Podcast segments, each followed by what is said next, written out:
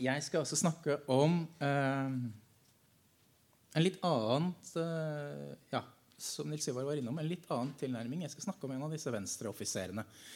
Eh, eh, og komme litt tilbake til han etter hvert. Jeg skal snakke om 'Soldatens bok', eh, som kom i 1911. Eh, så Førsteutgaven Dette er et an, eh, andreopplaget, som dere ser på, på høyre side her. Eh, og senere så kjenner vi den altså som 'Håndbok for soldaten'. Eh, den var ikke den første, men eh, si, boken som ble gitt til norske rekrutter. Eh, men den markerer på en måte, vil jeg argumentere for, eh, en kursendring fra myndighetene eh, når det gjaldt utdannelsen av de vernepliktige. Eh, for det var ikke lenger nok at rekruttene skulle få grunnleggende militærteknisk utdannelse eller kunnskap. Nå skulle de også få en innføring i hva tjenesten innebar, eller hva som var grunnlaget for tjenesten og forsvaret av landet. I forarbeidet var Forsvarsdepartementet opptatt av at, var, at, denne publikasjonen skulle ha stor betydning for å bibringe soldaten de nødvendige moralske egenskaper, som det het i innstillingen. Og man pekte også, FD pekte også på at de fleste europeiske armeer nå var opptatt av citat, å vekke interesse hos rekruttene for den militære gjerning, påvirke deres fedrelandssinn samt også ellers utdanne dem til gode borgere. Og Det er jo da min hensikt å se litt nærmere på Det var bestillingen fra Forsvarsdepartementet. Nå skal vi se litt nærmere på hva de faktisk fikk. For vi må forstå soldatens bok, og også for så vidt også forfatteren, i sin samtid og kontekst. Dermed blir altså denne boka sånn som jeg ser det, å anse som venstrestatens folkedannelsesprosjekt. Eller et utfall av det.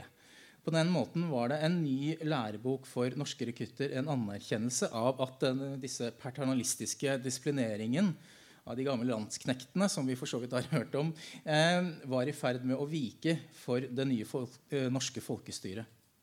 Her eh, mente venstrepolitikerne og deres støttespillere i Forsvaret at, kun, at nye didaktiske og pedagogiske perspektiver var bedre motivasjon for landets borgere eh, og for at de skulle ikle seg inn eh, en, en uni, eh, uniform. Utgivelsen må også forstås som en del av en bredere europeisk utviklingstrend som førte til institusjonaliseringen av verneplikten eh, som en viktig del av de fremvoksende nasjonalstater og i den forbindelse også noen av de gryende demokratiske institusjonene. Samtidig som det selvfølgelig også er viktig å påpeke at i denne prosessen avtegner seg som vi også har hørt om allerede, disse spenningene mellom det demokratiske medborgerskapet på den ene siden og kravet om disiplin, autoritet og hierarkisk underkastelse eh, som eksisterte innenfor de militære institusjonene. Og Det er i inn i dette spenningsfeltet at forfatteren og redaktøren av 'Soldatens bok', kaptein Johannes Hægland, trår inn. Utstyrt med en sterk dose nasjonalromantikk, men også med en tro på datidens lærerpedagogiske folkedannelse som nøkkelen til å forene disse to motstridende kreftene. Eh, det på venstre side er altså da forsiden på boka, eh, med flagget eh, og kongeseil, eller kongens symbol nederst 1909. Jeg skal bare kort si litt om det endelige resultatet, som kom i 1911. Eh, det var en omfattende skrift, en bok på 261 sider, fordelt på åtte kapitler med flere illustrasjoner, bl.a. disse. Historiske steiner. Eh, et lite utvalg. Eh, ja. Eh, kapitlene eh, Ja. man kan si at var, den var fylt med militærteknisk kunnskap, men det var også rikelig plass til det Hegeland anså som relevante temaer som redaktør. Kapitteltitlene inkluderte bl.a. Eh, spørsmålet 'Kan vi forsvare oss?' eller 'Opplysninger om folk og land', le 'Legeråd for hjemmet', i tillegg til utdrag fra Håvamål, hva store menn har sagt, og ord fra sagaen. I tillegg var det tekster med bidrag og utdrag fra Per Sivle, Bjørnstjerne Bjørnson og Ivar Aasen, i tillegg til en lengre artikkel av Nicolai Rygg om norsk næringsliv og befolkningsutvikling. men også tekster om idrett, skyttersaken, jorda, verdensdelene, Europas stater, kort og deres bruk, samt litt om skogsaken. Eh, det var en allsidig tekst, da, som sagt. Eh, oppdraget med å utarbeide det FD hadde etterlyst, altså en fyldigere soldathåndbok med litt mer allsidig innhold, som vi nå har fått uh, høre litt mer om, ble altså gitt til kaptein Johannes Hægland, som vi ser både på venstre side her og bakerst i linjen av offiserer på den karikaturtegningen til høyre. At valget som redaktør falt på nettopp på Hægeland, som senere har blitt omtalt som eh, citat, 'en emissær for den nasjonaldemokratiske militærideologi', citat slutt, var nok ingen tilfeldighet.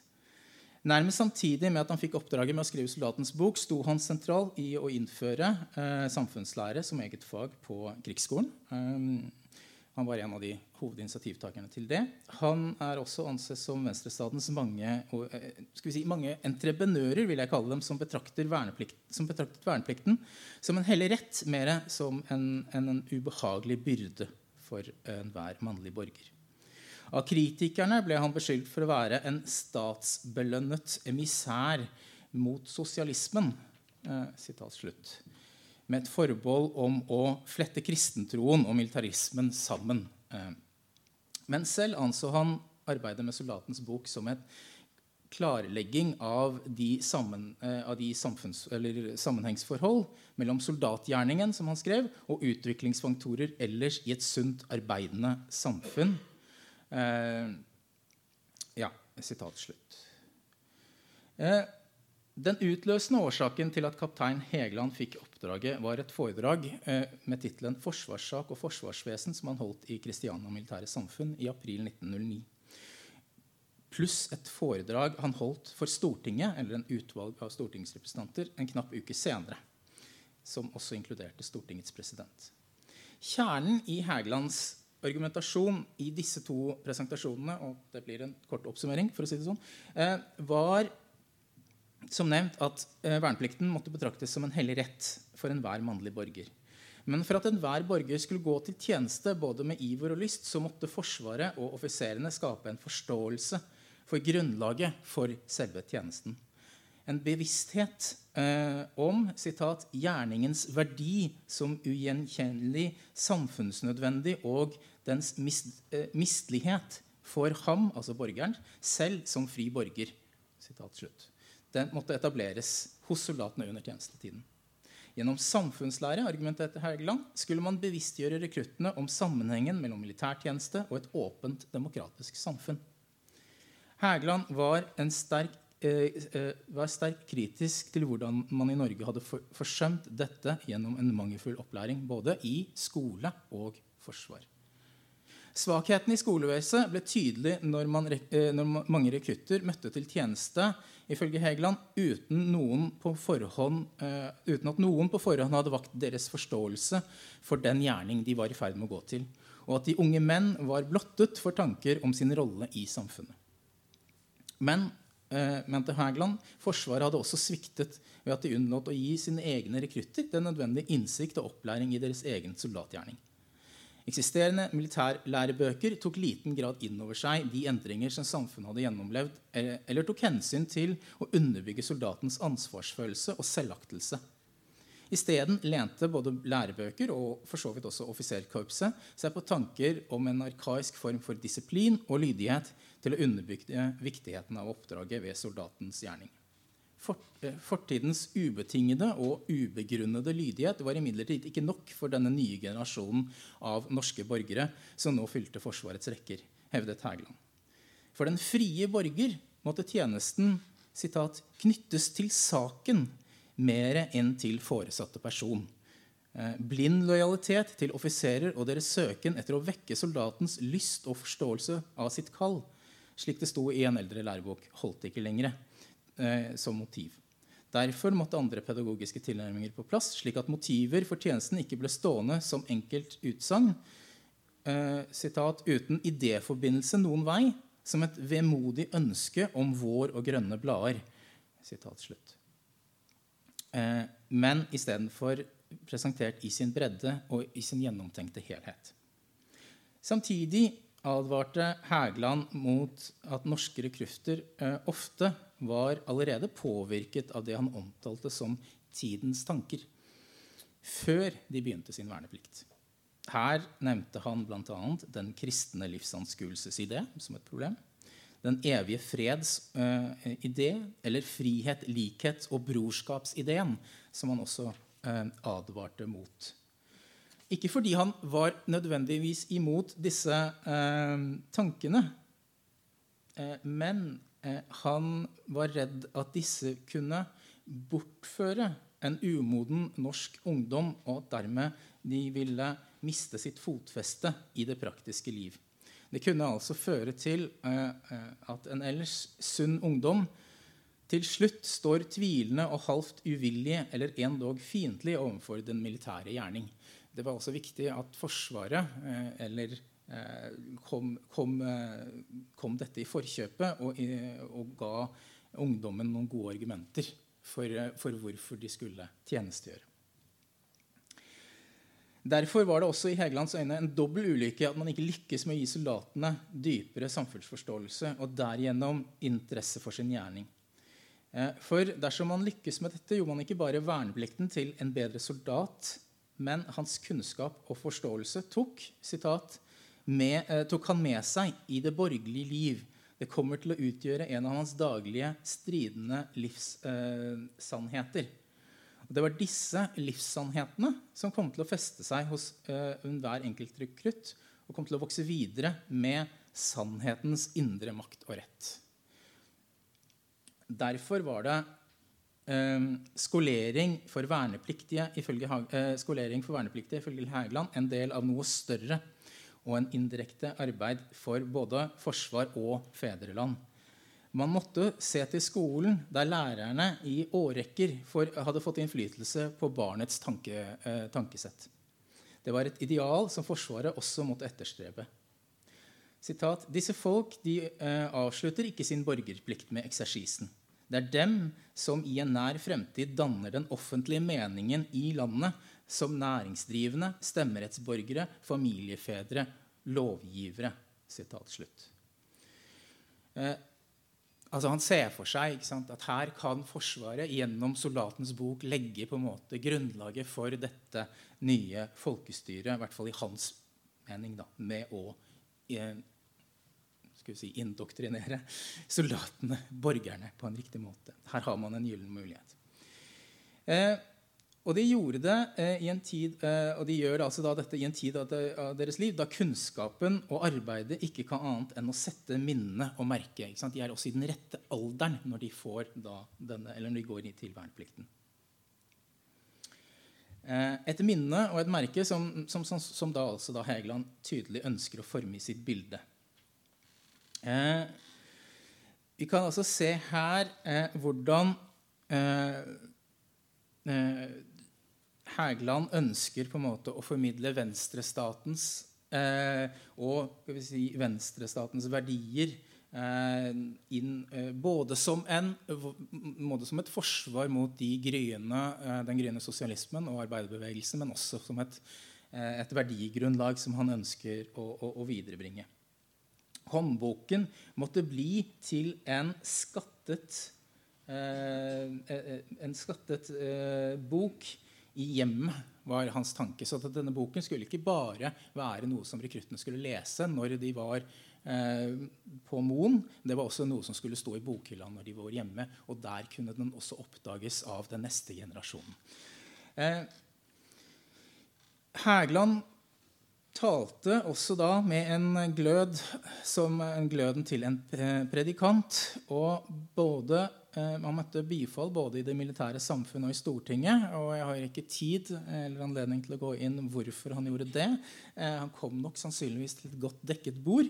Men en kort uke etter at seansen i Stortinget var over, så ble det altså sendt en skrivelse fra ivrige stortingsmenn til Forsvarsdepartementet med et forslag om å utrede Hægelands tanker og synsmåter videre, da disse syntes å ha stor betydning til å fremme av interesse for vårt forsvar og av en god ånd innen Hæren. Som sagt så gjort. I mai 1909 begynte Hægeland gjennom flere skrivelser til FD å skissere hvordan han så for seg en bok. Og en ferdig utgave ble altså forelagt Stortinget i mars eh, 1911. Takk.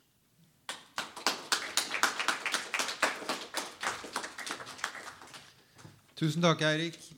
Vi tar oss tid til eh, fem minutter med spørsmål til disse to innleggene.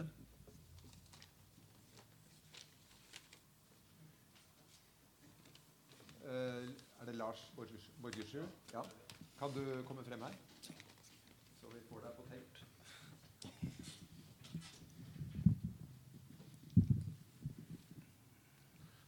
Eh, til Agøys innlegg.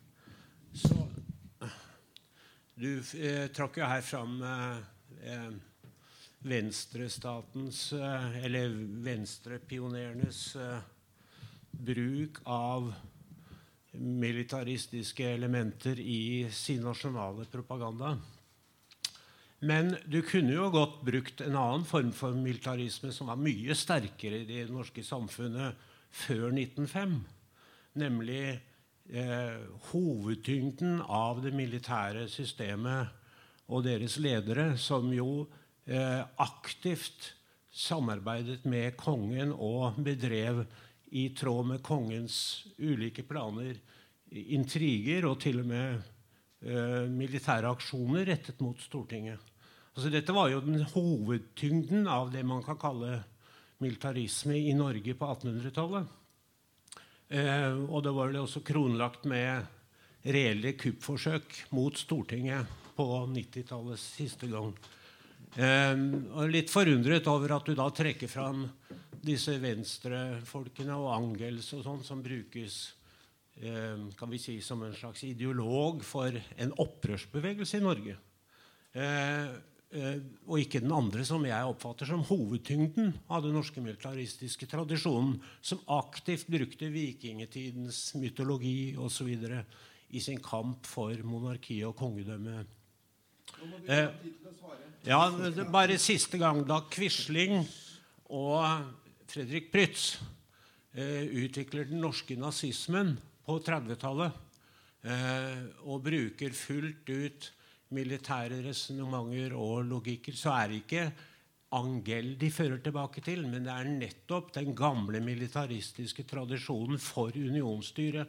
De ser tvert imot på den militære bevegelsen som utvikler seg rundt 1884 og videre, som en, et forfall ødelegging av det norske, gamle samfunnet. Så det er litt forundret over at du bare griper fatt i den skal vi si, ideologiske tradisjonen, og ikke den andre, som jeg oppfatter som mye, mye sterkere. Ja. Ok, takk. Eh, ja, her var det veldig mye å ta fatt i. Jeg skulle ønske vi ikke hadde dårlig tid. Eh, det er ikke tvil...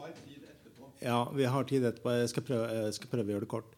Jeg tror egentlig dette ikke dreier seg så mye om uenighet mellom Lars og meg om hva som skjer, og hva som er kritikkverdig av sånn kongelige planer. og sånt nå. Jeg tror mer det dreier seg om liksom, hva vi vil kalle militarisme. Og da har jeg prøvd å holde meg liksom, til definisjoner som altså, Jeg har ikke tenkt så mye på hva jeg liker og ikke liker sjøl, sånn, men hva militarisme er. Og da oppfatter jeg ikke den hovedstrømmen, altså de holdningene som gjør seg gjeldende liksom, i størsteparten av uh, det hva skal vi si, kongetro offiserskorps, uh, hvis politikk man kan like eller mislike, ikke sant? Uh, som, som, militarisme i den forstand. Altså, jo, det fantes noen tilløp til en sånn planlegging. altså Kongen og for så vidt kronprinsen tenkte over hva de skulle gjøre hvis det eh, inntraff det som de mente ville være grunnlovsbrudd. Altså så, eh, hva, Hvordan skal man gripe inn overfor en sånn eh, illegitim eller ulov, ulovlig aksjon? Da. Men eh, jeg, altså jeg tror egentlig at det koker ned til hva vi vil kalle militarisme. Og jeg oppfatter uh, ikke det som du kaller militarisme, som militarisme i streng forstand.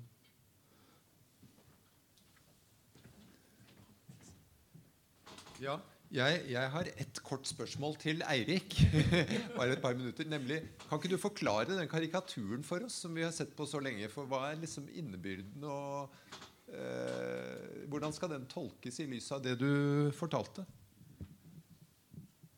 Ja, Er han, er han, en, ordentlig, kanskje- kanskje er han en ordentlig kjerring? Han Eh, Dette er, vel, dette er vel en karikatur i forbindelse også med reformen som kom. Altså, og den er Nils Ivar bedre kjent med enn en meg. Uh, uh, så jeg, jeg, jeg tror ikke jeg skal Det var mer det at jeg fant en, en, en karikaturfremstilling av, av, av Hæ- Hægeland. Da. Eh, ikke bare som Vet ikke om du vil supplere? Jeg, kan ikke, jeg, vet ikke, jeg vet ikke hvor den er hentet fra, men det er jo sånn tre framtredende representanter Mm. for de som måtte gå imot den hovedtyngden av og sånne ting. Mm. Men her er altså generalkrigskommissær Mjøen i, i front eh, fra Gjøvik, som altså er eh, Radikale Folkeparti, ikke sant, og Castberg. Den linja. Og så har vi eh, han er kaptein Sagen, som er en av liksom eh, venstre... Det er nynorskforkjemper på sin hals og liksom vil, vil ha nynorsk kommandospråk. Altså mange sånne ting som mange offiserer syns bare er tull. Mm. Og så har vi Hegeland. Mm.